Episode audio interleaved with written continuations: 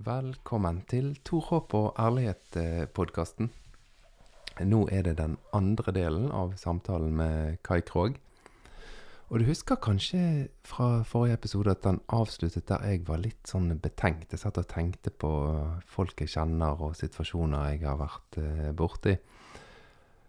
Og da begynner jeg denne episoden med å rett og slett gå inn og spørre han om noen ordforklaringer. Jeg trenger å forstå litt uh, mer, uh, så vi begynner rett på der jeg bare spør om han kan forklare begrepet traume.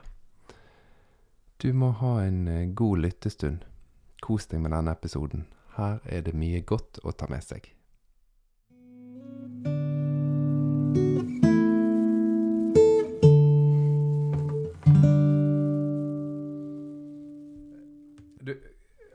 Orker du å ta en litt ordforklaring for oss også? Ja, ja. Det er et ord som brukes ofte, og det er traumer. Ja. Men hva er egentlig traumer? Ja, det, det kan jeg forklare. Dette har jeg jo jobba mye med. Og eh, traumer er det er jo gresk og betyr sår. Man får et sår i sin psyke, sant? Mm. Eh, det er en opplevelse som er langt utenfor det vi til vanlig opplever og skal oppleve. Altså at vi blir kasta mm. ut i en situasjon som representerer livsfare for oss, eller mm. trussel mot vår fysiske integritet, trussel om død eller trussel om alvorlig skade. Og dette kan være, gjelde oss sjøl, eller det kan gjelde noen som står oss nær. Altså Vi mm. kan få også en traumatisk um, eh, opplevelse av å vitne at en av våre kjære nærmeste blir utsatt for livsfare, trussel om død, som jeg nevnte. sant? Mm, mm, mm. Så det er en hendelse som er utenfor, og som er, står der og banker på, den, den, er ikke lett å integrere. Hvordan skal man integrere f.eks. at det fly kjører inn i Twin Towers i New York? Mm. Eh, hvordan skal man integrere Bare for å ta det eksempelet. Jeg var forresten bodde i USA på det tidspunktet. og jeg jeg våkna den morgenen, jeg bodde jo på vestkysten da, sant? og uh, slo på mm. TV-en. var fly som var styrta i, i Twin Towers i, um, i, mm. New York. Og jeg tenkte mm. dette er jo en dårlig spillefilm tidlig på morgenen. Det er jo tre timers forskjell. Uh, jeg klarte ikke å integrere det, at dette kunne være mulig. Er dette reelt? Sant? Så man, man, man uh, så det står der og vanskelig å ta inn over seg. Jo, det skjedde det. Det skjedde det. Mm. Dette er realiteter. Mm. Eh, og mm. det var du som opplevde dette. Eh, og, mm. Så det er veldig sterke saker. Og da har man gjerne en, eh, en uh, del ganske typiske reaksjoner. Fordi uh, disse hendelsene er så utenfor vanlig erfaringsområde, det vi erfarer til vanlig, eh, mm. så står de og, um, og, banker på og hjemsøker oss med det vi kaller sånn invaderingssymptomer.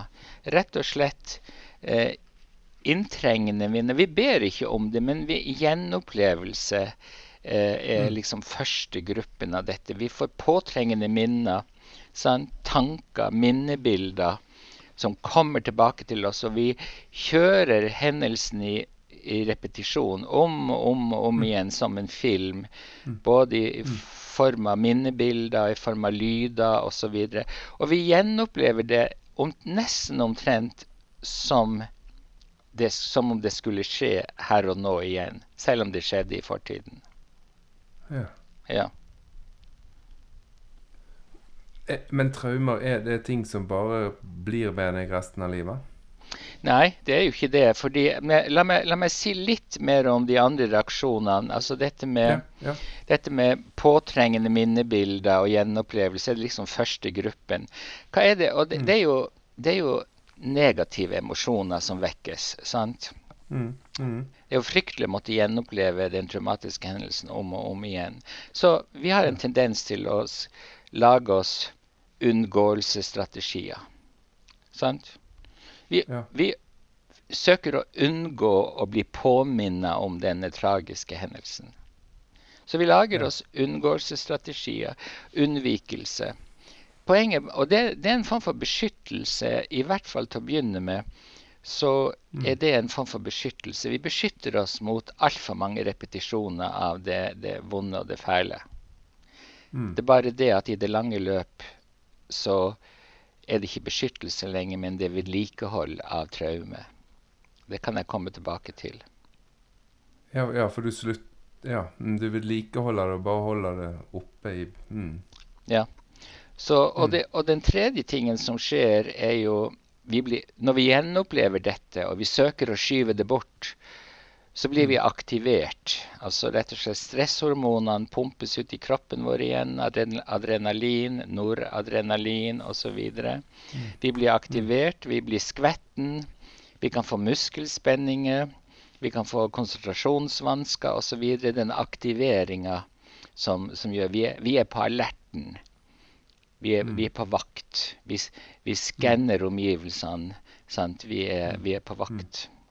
Og så kan det jo også føre med seg at eh, litt sånn tankemessige endringer. Hvorfor takler jeg ikke dette? sant? Jeg må mm. uh, Og så videre. Og så kan det føre med seg emosjonelle ting, også emosjonelle endringer, f.eks. depressiv eller angst osv. Så, videre. så eh, poenget er bare det at disse her reaksjonene er naturlige reaksjoner på en unaturlig reaksjon Er unaturlig hendelse. Ja. ja. Så det, er det andre kjenn? Altså, vi tenker at vi er i ferd med å bli gal omtrent. sant? Dette, disse mm, bildene mm. og denne filmen som spilles om og om igjen. Vi er ikke i ferd med å bli gal. Det er rett og slett bare bearbeidingen av traume. Ja. ja. Men kan det da bare gå sin gang, og at du bearbeider og jobber og ser det om igjen og om igjen, og så får du det ut av systemet igjen? Altså det bare går sånn av seg sjøl? Er det laget så smart? Ja, altså når jeg nevnte at denne kategori to, altså først gjenopplevelse mm. nummer én, og så unnvikelse som nummer to, unngåelsesatferd. Når vi begynner å lage mm. oss unngåelsesatferd som en beskyttelse til å begynne med, som jeg sa, så mm lag gjør vi også at vi blir litt sittende fast i traume. Og Grunnen til at vi blir mm. sittende fast i den og ikke kommer videre, det er mm. at for å komme videre så må vi skaffe oss nye korrigerende erfaringer. Der verden før var utrygg for oss, mm. der er den nå blitt trygg. Så vi må ut og skaffe oss nye erfaringer. Vi må oppsøke det stedet. Vi må eksponere oss for det som var farlig og vanskelig der hendelsen skjedde. Vi må eksponere oss for det og gjenoppleve det, men nå i trygge rammer. Ja. Og vi må rett og slett skaffe oss korrigerende erfaringer. Nå er verden blitt trygg igjen.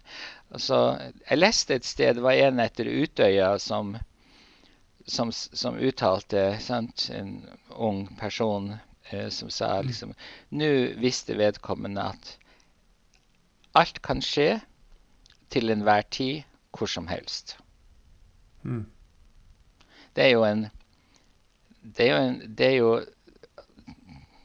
Det blir veldig utrygt. Ja, det var det jeg tenkte. Jeg kjente litt på det. Det må være litt skummelt å leve med. Ja. Hmm. Så vi, vi, må, vi, vi, er skrudd sammen sånn at alarmsystemet, rett og slett det vi kaller for uh, amygdala, mellomhjernen, emosjonshjernen, mm. Mm. den delen av hjernen må vi skaffe nye erfaringer. Og de nye erfaringene må vise dette alarmsystemet i mellomhjernen i emosjonshjernen. De nye erfaringene må være de trygge, gode erfaringene. Mm. Hm. Så dermed så Når vi da kommer til det stedet der f.eks. ulykker skjedde, sant? så har vi vært mm. der så mange ganger når det ikke har skjedd ei ulykke, at det er den mm. opplevelsen som dukker opp og ikke, ja. og ikke ulykkesopplevelsen. Så vi, vi, snakker om i psykologien så snakker vi om at vi får en, en habitueringseffekt. Ikke en slukkingseffekt, men en habitueringseffekt. Vi må mm. vende emosjonshjernen til nye, korrigerende erfaringer. Hmm. Det er jo ingen tvil om at denne podkasten som du nå er gjest i eh, vi, vi, snakker jo veldig ofte her om bibeltekster og kristen tro. Vi snakker om Jesus og evangeliet. Så, så mange av spørsmålene og utfordringene her er jo knyttet til religiøse erfaringer som ikke har vært gode, da. Altså, det, det, det handler nok helt sikkert om lyttergruppen til podkasten, naturlig nok, da. Um, det, det, er noe som har gått litt igjen. Det er denne der frykten for at Gud ser alt. Kan en sånn frykt kategoriseres som et traume? Altså Nei, ting, ikke, tanke, ikke, ikke, trau, ikke, traume, men den er jo veldig usunn. Ja, men jeg, jeg, bare prøver helt å skjønne. Men traume er en konkret opplevelse som smeller inn og gjør deg utrygg. Det er ikke en, det er ikke en, en tanke som du er blitt påført over tid. Det kalles ikke en traume. Nei, det som, vi, vi, vi, snakker gjerne om altså, traume, disse enkelthendelsene som kan skje. sant? Mm. Vi, vi, snakker mm, om mm altså bilulykker, jordskjelv osv. De er lettere å takle, for de er ikke menneskeskapte. Men så har man Nei. det vi var innom tidligere i denne samtalen, relasjonstraume. Det som, det som ja. blir skada i relasjon. Sant? Men så har ja. vi og så har vi eh, Men så har vi også noe vi kaller for kompleks, komplekse traumer. Eh, som kan gi ja. traumereaksjoner. Eh, og eh, en, et av grunnlaget et grunnlag for å utvikle, utvikle, komplekse traumer, det er jo rett og slett å vokse opp i et, i et familiesammenheng som er så innestengt og så kontrollerende, og som, der det skjer negative ting. Altså rett og slett ja, vil, Jeg vil jo ikke si opplevelse av et fengsel, men uh, den, har, den har den karakteren at gjennom år så blir man utsatt for kontroll, eh, overgrep osv. Så, videre. så mm. slik at dette, med, dette begrepet kompleks PTSD, eller komplekse traumer, det starter mm. liksom med eh, også denne type eh, definisjon at denne type oppvekstforhold kan skape komplekse traumer. Mm. Ja. Så hvis, hvis, en ingrediens i et sånt oppvekstmiljø er at Gud ser deg hele tiden, og eh, du, er, du, er, gjennomsiktig omtrent, og enhver tanke og enhver følelse kan avleses, så det, kan det være en del av det som, det som vi vil kunne kalle sånn kompleks traumatiserende, hvis andre faktorer er også inni. Men det er jo, det er jo gjerne det er, jo, det er, jo, gjerne Jeg forbinder det gjerne med utvikling av paranoide forestillinger. Jeg har jo møtt det i min kliniske praksis. Dette med at man aldri har fred noe sted. Man, aldri, man er aldri alene. Man blir alltid gjennomskua osv. Det er, jo, det, er jo, det er jo grunnlaget for paranoia. Ja. Hm. Ja, jeg spør sikkert litt enkelt her, for jeg, jeg, er ikke, som, som, jeg har nevnt før, jeg er ikke, jeg er ikke fagpersoner. Men jeg, jeg, må spørre litt til um, Ja, for da sier du at, sånne her uh, gjentatte opplevelser og tanker, de kan være komplekse komplekse traumer, men ikke, ikke som ett traume. Ja, det er en forskjell. Ja, det kan være, det kan være del av en, uh, en større, i en større sammenheng som kan skape det vi kaller for kompleks PTSD. Ja. ja. Kan, du si litt om behandling av traumer også, da? Det kan jeg. Hmm. Det kan jeg. Så um, Ja, nei, altså uh, det er jo ulike terapiretninger og ulike sant, måter å nærme seg traume på. En av de retningene som jeg bruker, det er sånn faseorientert traumebehandling. Fase 1 er mm. jo hvis vi skal inn i dette, disse traumene, gjenopplevelse osv., eksponering og gjenopplevelse, så må jo på en måte vi må vite at uh, det er en viss stabilitet. Vedkommende er tilstrekkelig emosjonelt stabil til å gå inn i dette. Sant? Mm. Mm. Eh, og at vedkommende er trygg, og at vedkommende har en, si, en grunnleggende tillit til at dette dette kan vi gjøre sammen, og dette, dette skal gå bra. Eh, mm. Så for det er jo eh, Det er jo litt tøffe saker å gå inn i. Mm. Så mm. fase én er jo da stabiliseringsfasen. Og hvis vedkommende f.eks. er i en relasjon som fortsatt kan være traumatiserende, i en mishandlingsrelasjon osv., så, videre, så er det noe av de tingene vi må rydde av veien før vi går, vi går videre. Mm. Eller vedkommende driver med alvorlig selvskading eller noe sånt. Eller har suicidtanker osv. Så, videre. så så mm. kan vi nok ikke gå inn i for tøft stoff. Sant? Men, uh, så vi må, vi må sørge for at vedkommende opplever seg tilstrekkelig stabil til å gå inn i fase to. For fase to er der vi jobber helt konkret med de uh, traumeerfaringene, traumehendelsene. Og da er det ulike måter å jobbe med det på. Vi kan jobbe med det eh, rett og slett imaginært i tankene. Mm. In vitro mm. i, uh, i glasskapet omtrent. I trinskapet. Eh, og, og da velger vi, og har det vært flere har det vært flere traumatiske hendelser, har man vokst opp f.eks. med der det har gjentatt seg, så kan man så kan man velge seg det vi kan kalle for et indekstraume. Indekstraume. Et traume som representerer mm. de andre traumene mer eller mindre. Sant? Ja, så sånn uh, samlebegrep nesten. Samlebegrep, ja, riktig. Mm. Sånn overordna mm. traume som kan representere alle Man kan liksom ikke gå inn i alle, men man tar noe som vi kan kalle for indekstraume. Og det blir man jo enige om hva kan være et indekstraume. sant? Mm. Eh, og så går man rett og slett inn i de ulike delene av traume ved å eksponere seg for det man egentlig har lyst til å unngå. Mm. Så man går inn i hendelsen. Og jeg pleier, jeg mm. bruker en sånn um, uh, prolonged exposure therapy. Altså vi starter med litt F.eks. la oss si en, et overfall. Mm. Konkret overfall slått ned, mm. eh, nesten drept med kniv osv. Hvordan starta dagen? Du var på vei til jobb osv., og, så videre, og så skjer dette mm. osv. Og, så og mm. så går vi inn i rett og slett spiller inn. Og jeg pleier å la vedkommende spille inn sin egen fortelling om traume. Hendelsen. Og, også, så så, så, og, og fort, gjenforteller den i presens, gjerne med lukka øyne.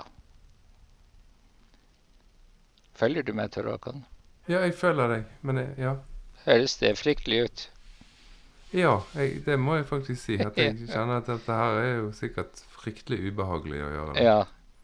De første gangene, sant. Uh, så uh, uh, så så, så, spiller vi den inn, traumehendelsen, og så liksom avslutter vi når det hele er over. Du overlevde, det kom hjelp, osv. Så, videre. så spiller vi den mm. inn om Og så får vedkommende det opptaket med seg hjem og skal lytte til den i hvert fall én gang per dag. Mm. Og det som da skjer, er jo at dette ved gjenfortelling av den traumatiske hendelsen mm. så har man anledning til å Når man da skal lagre den hendelsen på nytt, hente den frem, mm. lagre den, hente den frem, lagre den, så kan man oppdage mm. nye aspekter. F.eks. ved det overfallet, hvis vi skal ta et, det eksempelet. Eh, mm. eh, så er noe av noe av bebreidelsen en person kan gjøre 'Jeg gjorde ikke nok motstand. Jeg beskytta meg ikke sjøl'. Mm. Sant? Mm. Og så ved å gjenfortelle det, så kan, kan, vedkommende oppdage 'Ja, men jeg gjorde jo motstand'. Jeg gjorde det jeg mm. kunne.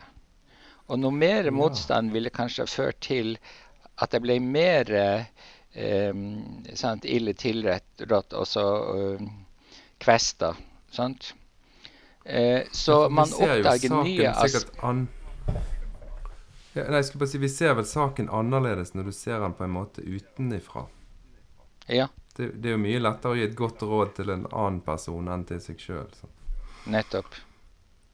Hmm. Så man, man, spiller inn den der eh, fem-seks ganger, og etter fem-seks ganger så begynner, begynner, kraften i den å, mis, å fortape seg. Den begynner, å, mis, begynner mm. å miste kraften. Sant? Mm. Så blir historien sånn litt sånn OK. Sånn, who cares? Vi, skal vi orke en innspilling til? Nå har, har, jeg grepet på den. Ja. Og eh, jeg gjorde så godt jeg kunne, og dette er, er blitt et minne, og kanskje til og med en del av mine erfaringer. Det å gjøre negative mm. opplevelser til erfaringer. sant? Mm. Mm. Jeg, jeg, kommer ikke til å glemme den, men kraften i den hendelsen har jeg henta ut. Den er tatt ut. Så det, det, er en måte å prosessere på, som det heter. Og dermed så integrerer du også, for traumeminner er jo uintegrerte, som står og banker på. Mm. De ønsker å bli integrert i din database i hodet. Og dette er en måte å integrere dem på, slik at du på en måte skaper en narrativ, en fortelling som henger mer sammen. Ja. Ja. Det blir bruddstykkene faller på plass. Jeg kjenner jo Nå, litt, nå skal jeg være litt uh personlig eller privat her. For jeg kjenner at jeg blir veldig sånn betenkt og, og får masse, mange ting å tenke på når vi prater. Um, med, meg og min kone, vi har jo jobbet, det vet jo du, en god stund med Skeivt kristent nettverk. Og jeg, jeg kjenner jo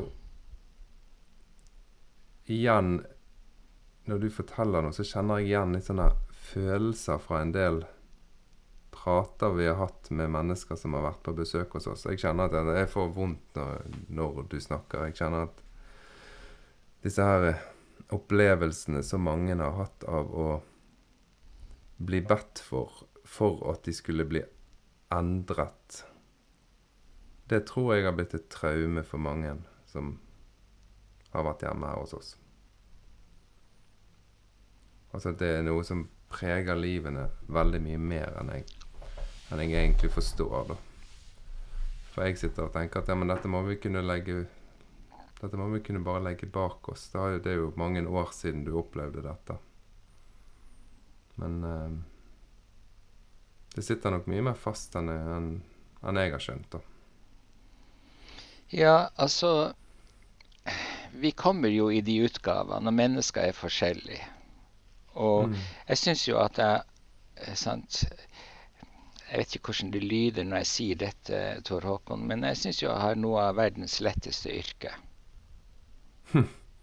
Ja, det Og ja, du smiler, og det gjør jeg også. Jeg skal, jeg skal prøve å forklare det. Eh, mm. Folk kommer til meg. De kan mm. ha psyk psykiske reaksjoner, de kan ha symptomatologi, de kan ha osv. Eh, mm. Og de kan ha gjort ting som ikke er så kloke. Mm. Men de har i hvert mm. fall De kommer til meg med sin beste mestring. Mm. Det er det beste de klarer å mestre. Hadde de klart noe annet, så hadde de gjort noe annet. Mm. Sant? Altså, mm. Symptomer er en form for mestring. Symptomer er et budskap. Jeg er ikke redd symptomer. Jeg er ikke redd psykiske Nei. reaksjoner. Det, har, det, det, er et språk som vi skal bare deschiffrere. Vi skal finne budskapet i, i, det språket. Vi skal finne meningen i det språket. Og det jeg ikke skal gjøre, som gjør jobben min lett, jeg skal ikke dømme. Nei. Jeg skal ikke si 'det der var jo ikke klokt gjort', eller 'tenkte du på', eller 'kanskje', osv. Jeg var ikke mm. der. Jeg, jeg, var ikke vedkommendes sko, osv. Mm. Altså, når jeg sier jeg har noe av verdens letteste yrke, det er jo fordi jeg skal ta imot, jeg skal holde mm. historier, jeg skal være emosjonelt tilgjengelig. Jeg skal se og jeg skal forstå i, i, Altså, vi, vi må forstå at folk gjør ting fordi de er den de er, fordi de tenker på den måten de tenker, føler og handler på den måten. Men også at mm. det står i forhold til hva de har opplevd. Mm. Altså, vi, vi, gjør egentlig noe galt når vi liksom stiller spørsmålet 'hva feiler det deg?' Det er, ikke, mm. det er ikke et spørsmål jeg stiller. Jeg stiller spørsmålet 'hva har du opplevd?' Symptomene står i forhold til det du har erfart og opplevd fra tidligere av din bakgrunn. Ja. Sånn? Men har du alltid hatt en sånn, sånn holdning til, til uh, jobben? Altså, har, vært, har, du følt at det har vært en lett og god jobb hele veien? Ja, det er derfor jeg syns det er så fascinerende å, å, å ja. være med på dette. Fordi altså, ja. det, det, det, det frigjør meg jo fra sant, og synes det ene og det andre. Jeg skal ikke synes det ene og det mm. andre osv. Jeg skal ikke jeg skal ikke ergre meg over det som man kan ergre seg over som er dumme ting osv. Jeg skal hjelpe til å finne veien videre. Sant? Jo, jeg har egentlig alltid gjort det. Så derfor, når man sier til folk at vi skal be for deg og fordi du skal bli annerledes, så er jo det psykisk mm. vold. Punktum. Mm. Det er psykisk vold, og det er skadelig. Du merker jeg blir engasjert nå. Mm, ja. ja. det er bra. Jeg òg er det. Ja, du hørte på stemmen min. Ja. han, opptakeren bikker opp mot røttene innimellom. bikker den opp mot røttene? jeg ler også? ja, det er veldig herlig. Jeg blir glad av det. Nei, men altså, hør nå her. Vi kan jo ja. ikke si til et menneske du skulle ha vært annerledes enn det du er. Nei. Det er jo fryktelig. Det er jo vold. Ja, det, det, er jo det. psykisk vold. Ja. Ja, er jo det. Altså det vi har Det som er vår plikt, den fordømte plikt Nå bikka det opp igjen, sant, til måleren? Ja, det gjorde det. vår fordømte plikt er jo å støtte, forstå, ta imot ja. osv. Eh, eh, og bekrefte. Ja.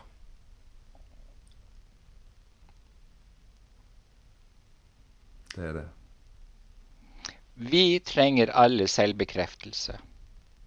Vi trenger alle at noen hjelper oss til at vi får en god selvopplevelse, et godt selvbilde. Har vi et godt selvbilde, så klarer vi mye i denne verden.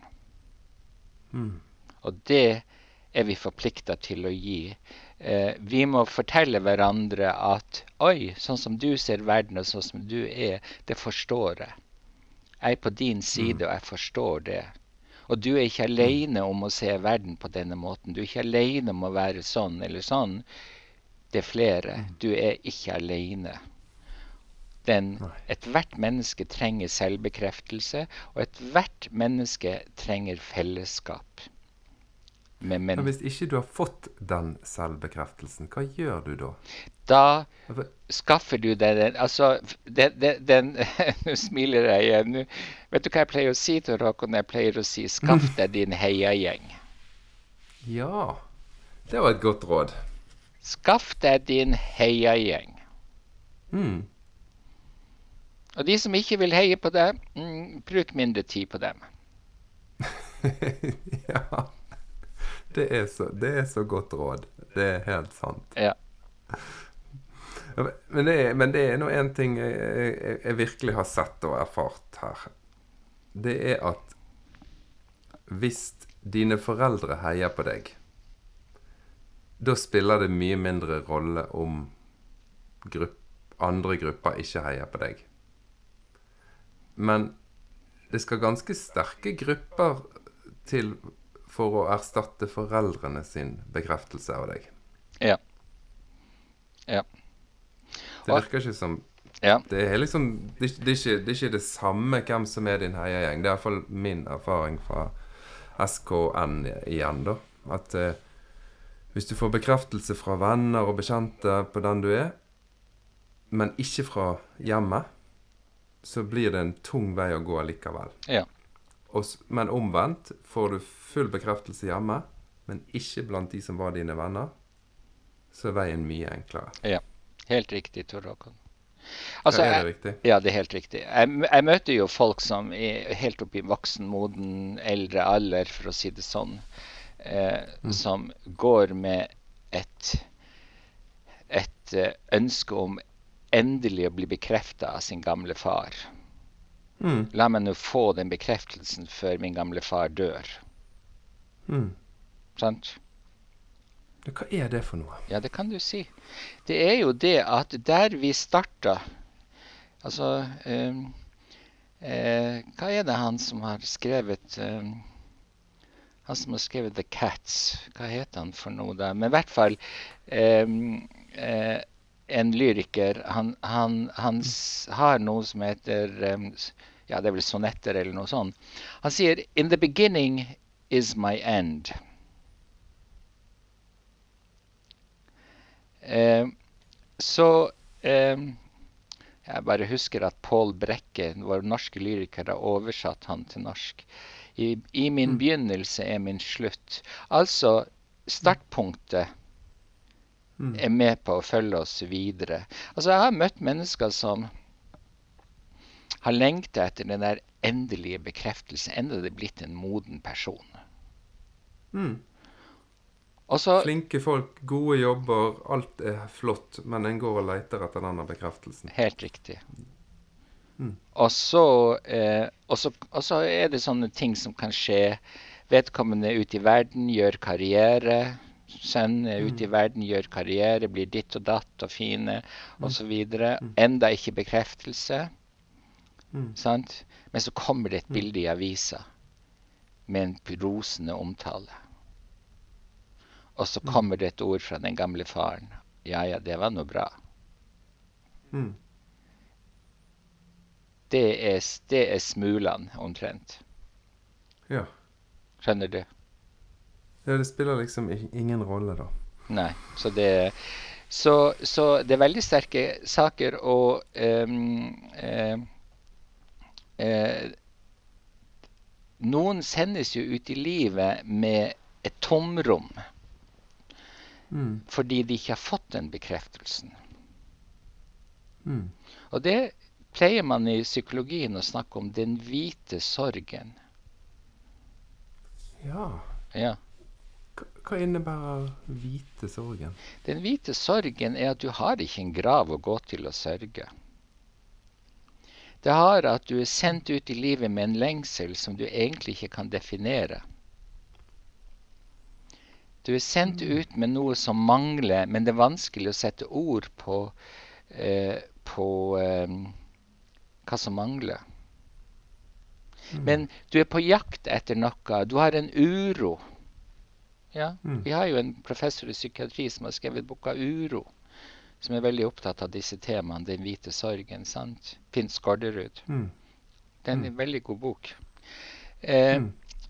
En svensk dikter som Gunnar Ekelöf beskriver jo Han bruker hele sitt forfatterskap, modernistisk dikter. Eh, sant? Eh, bruker hele sitt forfatterskap til å sette ord på jakten på noe han ikke vet hva er for noe. Ja. Han ble sendt ut i livet med en emosjonelt fraværende eller emosjonelt fraværende omsorgspersoner osv. Så, videre. så han ble dikter. sant?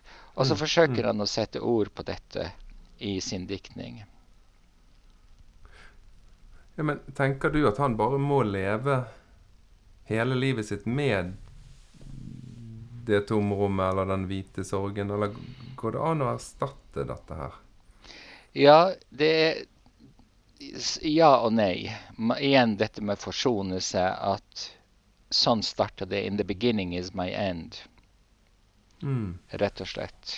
Uh, men Det føles litt sånn skjeb, skjebnebestemt, da. Det, altså, det, det, må jo, det, må jo, kunne gå an å, å, å komme ut av det at, at da vedkommende innser det at ja, nei, min mamma og pappa kommer aldri til å akseptere at Ja, igjen da det eksempelet at eh, jeg er transkjønnet eller jeg er homofil. De kommer aldri til å synes at er, jeg er den personen som jeg skulle bli. Men de, det, må, det må jo være et håp om å kunne slippe den sorgen og den lengselen etter den bekreftelsen. Ja. Ja, og da er, vi, da er vi inne litt på dette vi, det, det, vedkommende som hadde skrevet inn til deg, Tor Håkon, dette med mm. bruddprosessen osv. Eh, på et eller annet tidspunkt så anerkjenner man denne mangeltilstanden. Sånn ble mm. det. Men når, ved å anerkjenne den og forsone seg med den, at sånn ble det, så er det lettere å gå videre. Eh, eh, og eh, til syvende og sist må man forsone seg med den. Eh, mm. Den har ikke en farm, den har ikke en form, den har ikke et spesielt innhold. Eh, men en form for man, I psykologien snakker man om Hvis det er veldig veldig utpreget, så snakker man om mangelpatologi. Mangelpatologi. Litt sånn i, i forhold til konfliktpatologi, men man snakker om mangelpatologi. Og da, mm. da må jo vi som terapeuter liksom innrette også våre samtaler mer på opp, å støtte opp under. Veldig støttende. Mm. sant? Mens de bearbeider denne mangelopplevelsen sin. Ja. For du har snakket om foreldrerelasjonen som det båndet som er umulig å bryte, ikke det? Ja. Altså, man kan være glad i sine foreldre, men man kan også innse at deler av den oppdragelsen de ga meg, var ikke til mitt beste. Mm. Og man kan være man kan, man kan bryte ut av den, uh, den, den verden som man syns har begrensa en hvis det er religiøse re, Altså religiøse Strenge religiøse regler, f.eks så kan man bryte ut mm. av den uten å miste sin tro. Man kan beholde sin tro. Så det er ikke enten-eller her, men det er både og. Man kan både være glad i sine foreldre, men samtidig se dem for deres mangler. De hadde mangler. Og de manglene ja. kunne ha vært skadelige for meg, eller var skadelige for meg. Jeg måtte jobbe med det. Ja. Ja, det var en god måte å se det på, for det Brudd og avstand er jo sjelden en veldig god løsning, sant? Hm. Tenk deg det man kan si Jeg er glad i det, men uh, noe av den oppdragelsen du ga meg, var ikke god for meg.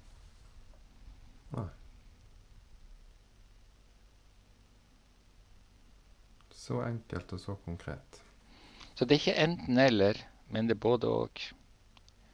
Det å se sine foreldre ikke som enten gode eller onde, men se dem faktisk som det sammensatte, de sammensatte menneskene de er. Altså erobre grå, gråtonene.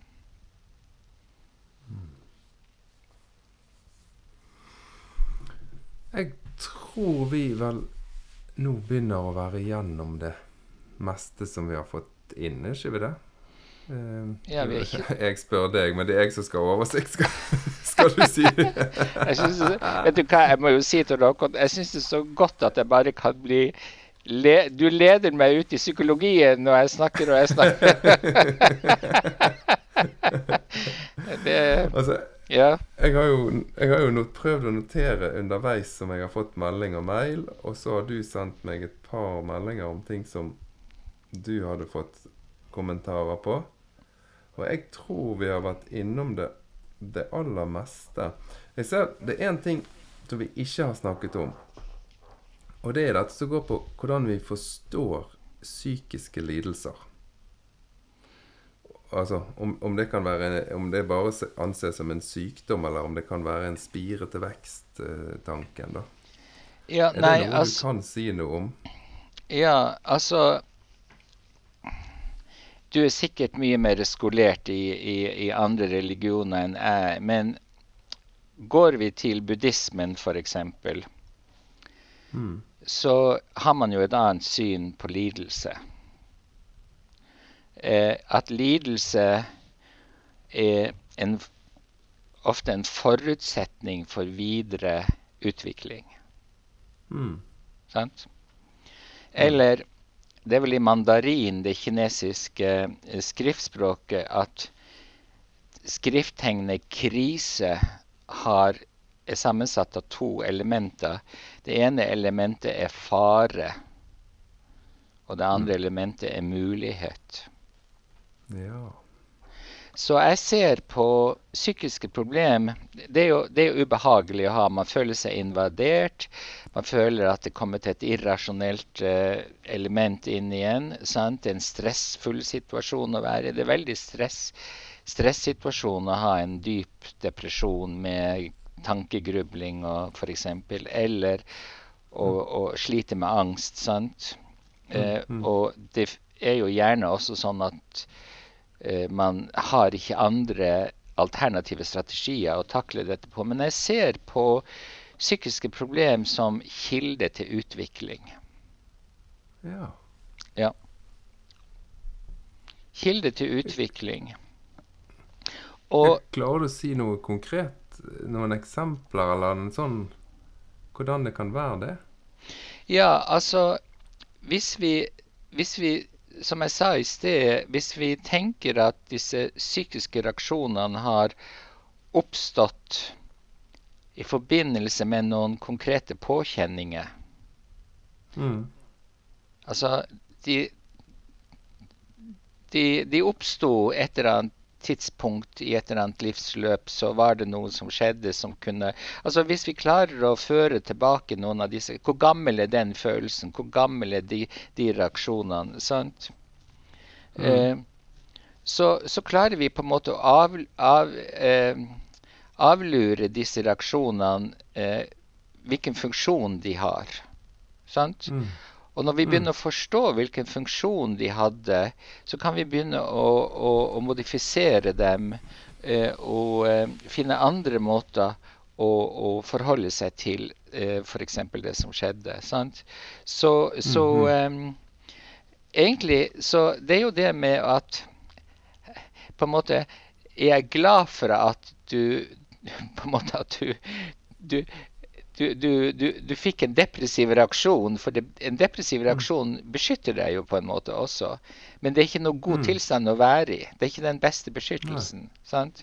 Nei. Så, eh, så vi, ved å forstå symptomene, ved å gjøre dette forståelsesarbeid, så kan vi også gjøre sånn endringsarbeid. Og eh, eh så, så vi går veldig konkret til verks. og du vet, et samme symptom kan ha ulike meninger for ulike personer. Altså, eh, mm. Også folk med psykisk problem kommer i ulike utgaver. Ja. ja. Sant? Som eh, alle. som alle, mm. sant? Så vi må mm. forstå hvilken sammenheng har de oppstått i. Og så kan vi begynne mm. å jobbe, jobbe, med andre løsninger. Eh, mm. Så det, det er prøver å formidle til de jeg møter Ja, det er en stressituasjon å være i. Det er en vond situasjon å være i. Men ikke vær redd. Ikke vær redd dette. Og, og uh, dette kan vi gjøre noe med. Ja. Dette kan vi virkelig gjøre noe med. Uh, og jeg, vi snakka jo om håp i den første podkasten. Ja. sant? Alltid håp. Ja. ja. Og så skaper vi positive forventninger. Vi har for, har forventning om at dette kan vi gjøre noe med. Sant? Og jeg forsøker ja. å, si, å, formidle til folk at ha forventning, du også. Sant? Mm -hmm. For positive forventninger er en veldig sterk påvirkningskraft. Ja. Det? Vi vet jo det. altså Kommer en elev på skolen og vet, vedkommende er flink, så, så forventer jo læreren med? Det, det, Mm, mm, mm. lærerens forventninger til den eleven er annerledes enn en elev som, som, som, som, som ikke kan så mye. Sant? Mm. Det er alltid en god idé for foreldre å sende barna sine godt rusta, for da får de ekstra fra læreren. omtrent. Nei, nå- er jeg tendensiøs, Tor Håkon, men, men det, Nei, men det, det, det, er jo noe sant i det. For det, er jo veldig urettferdig når vi ikke har forventninger for, for, barn. da. Ja. Eh, De må jo kjenne òg at vi forventer noe av dem. For det er jo et kompliment og en eh, alt det. ja. Forventning er veldig positivt. Så er det jo det med at vi inviterer vedkommende til å forstå sin historie på en annen måte. Det har vi jo vært inne på. Mm. Altså ikke sitte fast i et barndomsminne og en barndomsfortolkning lenger. Nei. Du, vi hjelper vedkommende til å forstå sin egen historie på en annen måte. sant? Ja. Eh, og så er det formidle eh, Og jeg, jeg, sant, jeg sier jo til folk og Jeg tror jo egentlig du er eksperten på ditt liv, sier jeg. ja. det er sant. Ja. Hmm. Og du har mye mer kunnskap enn du er klar over. Og så introduserer jeg dette begrepet 'the unthought known'. Det som du kjenner til. Alle dine kunnskaper, men de er ikke tenkt enda. Unthought. Nei. Sant? Så skal vi få bort denne ønn, så skal du få, komme til the thought known. Vi skal symbolisere, vi skal sette dette i ord. Vi skal, vi, skal, vi skal finne frem til dette. Vi skal finne frem til mestring. Og vi må snakke litt om mestring før vi slutter, Tor Håkon. Ja, gjerne. Ja, sant? Mm. Altså eh, Det å Det å mestre er jo eh, Altså, vi, vi Vi klarer nok ikke å leve et liv uten at vi møter Vi, vi, blir stilt overfor utfordringer som vi skal mestre. Nei. Vi skal takle. Det er vel Erik Bye som synger at 'mangt skal du møte, og mye skal du' og Og mangt skal du mestre. Mm. Ja, riktig. Så, Mm. det, Mm. så der, der er vi på vår livsreise. sant? Og så har vi dette med Mm. motstand, motstandskraft og resiliens, som vi snakker om, versus sårbarhet. sant? Og noe av Mm. dette, denne resiliensen og motstandskraften er jo, som vi snakker om, et positivt selvbilde. Altså, Det hender jo at jeg stiller folk spørsmålet hva, hva er det som gjør at du tenker at du ikke klarer dette? Mm. Fordi, sant eh, Når folk sier ja, dette er en god idé, men det går ikke, ja. så lurer jeg på hvem som snakker det, dette 'men det går Mm. ikke'. Er det du som snakker, eller hvor lærte du dette at det ikke går? Og så mestrer vi Mm. mye mer enn det vi er klar over, egentlig, det vi tror. sant? Så vi har noe som heter mestringstro. Mestringstro. Det er et begrep fra en Albert Bandura, en som var ans ansatt, en professor ved Stanford. Albert Bandura heter han. Jeg Mm. møtte han. Jeg har vært på forelesning hos Albert Bandura i California. Eh, mestringstro. Vi går, vi går inn i en sak med troen på at denne mestrer vi. Gå aldri inn i en sak og tvil på at du ikke mestrer den. Nei. Mobiliser. Vet du hva, når jeg jobba på bl.a. brannskadeavdeling og var psykolog og møtte barn som var, var skada Nå skal jeg gi deg et sånt konkret eksempel. sant? Mm. Eh, så, så det å skifte bandasje på barn som er brannskada, det kan være fryktelig vondt for barnet. Mm. Og vi kan, vi kan ta toppen av smerten ved hjelp av painkillers, altså smertedøvende. Men vi kan ikke ta alt bort, vanligvis. Mm. Så det som barnet trenger for trygghet, det er sine foreldre til stede Mm. i Mm. da, altså rett og slett dressing change room. Sant? Altså, Mm. Rommet der man får til dette. Sterile omgivelser og alt sammen. Sant? Og alle er Mm. kledd i sterilt osv. Og så kan foreldre si nei, men jeg tåler ikke å se mitt barn lide. Jeg tåler ikke å se mitt barn ja, med ha smerte. Så sier jeg det som barnet trenger, er deg. Ja. Jeg, kan gjerne, jeg, jeg er gjerne til stede, sant? og det, det var jeg jo Mm. som oftest. Men de trenger, Mm. ikke, de trenger ikke meg, egentlig. De trenger deg. Ja. Tror du at du kan mestre det? Nei, det er jeg ikke så sikker på. Så sier jeg nå skal du høre her. Nå skal du gjøre én ting. Fake it till you make it. Ja. Ja. Du skal fake mestring. Nå går du inn i the tub room, med, ta på deg sterilt osv., og, så videre, og så står du med barnet ditt, holder barnet ditt i hånda, stryker det på panna. 'Mamma og pappa er her. Dette går bra.' Mm. Og du mestrer det. Og vet du hva som skjedde da, Tor Håkon? De kom ut gledesstrålende 'I made it'. Mm. Yeah. Så mestringstro. Eh, eh, og så har vi Jeg har bare lyst til å nevne at vi har snakka en del om mening og forstå ting. Vi er jo Ja. meningssøkende. Jeg har lyst til å bare snakke litt om eh, eh, Jeg vet ikke om vi har tid, men, vi, men jo da. Vi har tid til det vi har lyst til. Vi- Det er jo meg og deg som er sjefene for dette her. herlig. Herlig. Flott. Ja, det er nydelig. En god Ja, her, herlig. Og jeg hadde jo rusta med en kopp kaffe her, så jeg kan sitte lenge. Ja, ja, kjør på. Sånn coffee talk med seriøse temaer, er ikke det nydelig? Ja, jo, det er veldig fint. Ja. Så at vi ler litt innimellom. Så ikke, ja. Ja, ja, nei da, det er jo lov til det, vet du.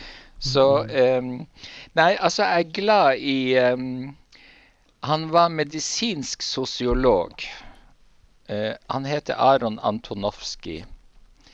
Han var amerikaner opprinnelig, men han emigrerte til Israel og jobba i, i Israel og ble kjent. Han, han liksom han, han liksom sa Nå snakker vi så mye om patologi, sykdom og sykdomslære.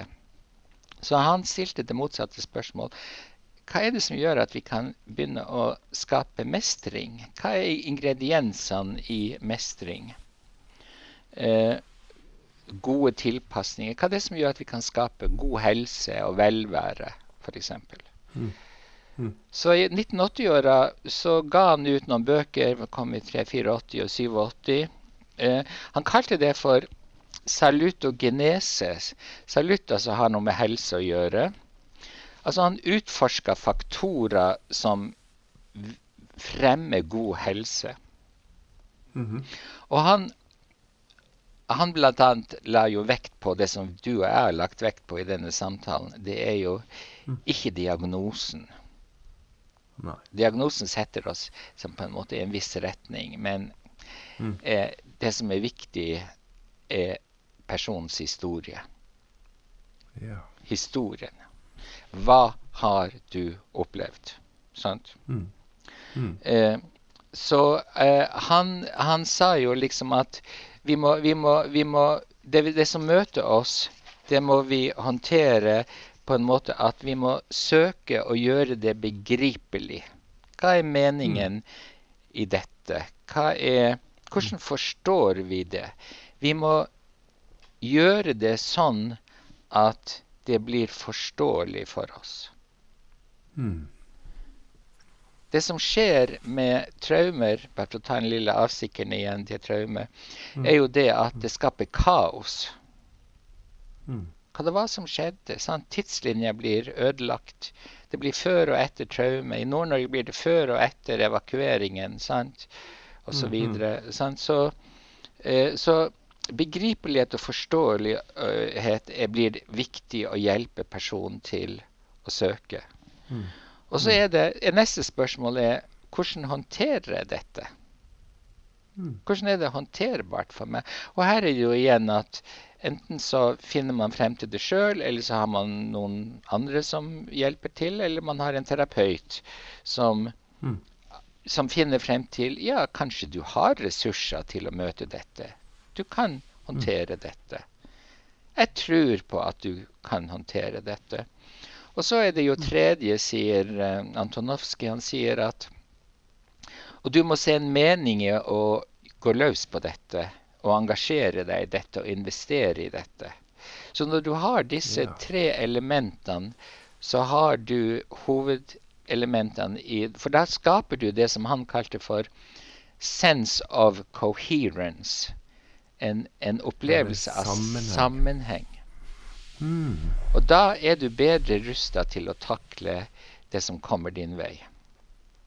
Altså begripelighet, håndterbarhet og mening. Sense, det er hovedingrediensene i 'sense of coherence'. Også, ja? Det, ja. Dette som du sier nå, det syns jeg har gått igjen egentlig i alt det du har sagt, også i forrige episode. Altså Det handler liksom om å se på historien sin. Kunne gi en tilbakemelding til seg sjøl og til sin historie. Og, og så rett og slett rydde litt i det. Ja. Og så se en vei videre.